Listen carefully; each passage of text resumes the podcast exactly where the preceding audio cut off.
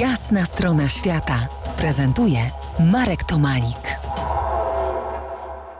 Dzień dobry, Piotrze. Dzień dobry, Marku. Gościem jasnej strony świata dziś doktor inżynier Piotr Chrząstowski, pracownik naukowy Akademii Górniczo-Hutniczej w Krakowie, żeglarz i fotograf wnuk profesora Walerego Getla. No to zacznijmy dzisiejszą podróż od y, podróży dziadka. Akademia Górniczo-Hutnicza ogłosiła 2022 rok rokiem profesora Getla, profesora wieloletniego rektora uczelni, ale i podróżnika, który był mocno zaangażowany w ochronę przyrody południowej Polski. Skupmy się dzisiaj na podróżach profesora, choć i jego kariera naukowa jest bardzo interesująca. W 1939 roku, w przeddzień wybuchu wojny, profesor Getl został wybrany rektorem Akademii Górniczej. Opowiadał o tym dziadek? Tak, no to zbieg okoliczności był niesamowity. Dziadek był y, w sierpniu 1939 roku w Szwajcarii. Tam był na konferencji naukowej i musiał wrócić, bo właśnie z dniem 1 września miał objąć stanowisko rektora. Jak wracał, to nie mógł wracać przez Niemcy, tylko jechał pociągiem przez Węgry naokoło, no bo tutaj nad granicą stały już transporty wojskowe przygotowane do ataku.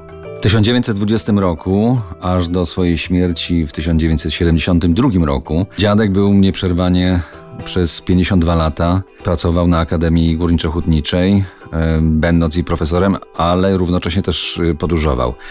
W 1929 roku wybrał się do Afryki, towarzyszył mu profesor Lot. To byli pierwsi Polacy, którzy przemierzyli Afrykę wzdłuż od przylądka Dobrej Nadziei do Aleksandrii. I myślę, że te opowieści były częste w waszym domu.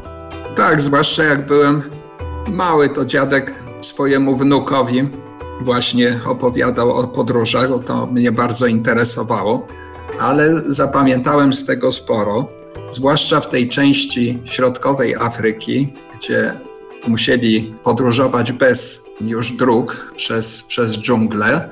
No to wyglądało to trochę tak, jak, jak później to, to, to, co czytałem w książce Szklarskiego Tomek na Czarnym Lądzie. To znaczy podróżowali od wioski do wioski, wynajmując tragarzy. Skąd dziadek w ogóle wytrzasnął tyle czasu, żeby móc odbyć 4,5 miesięczną podróż?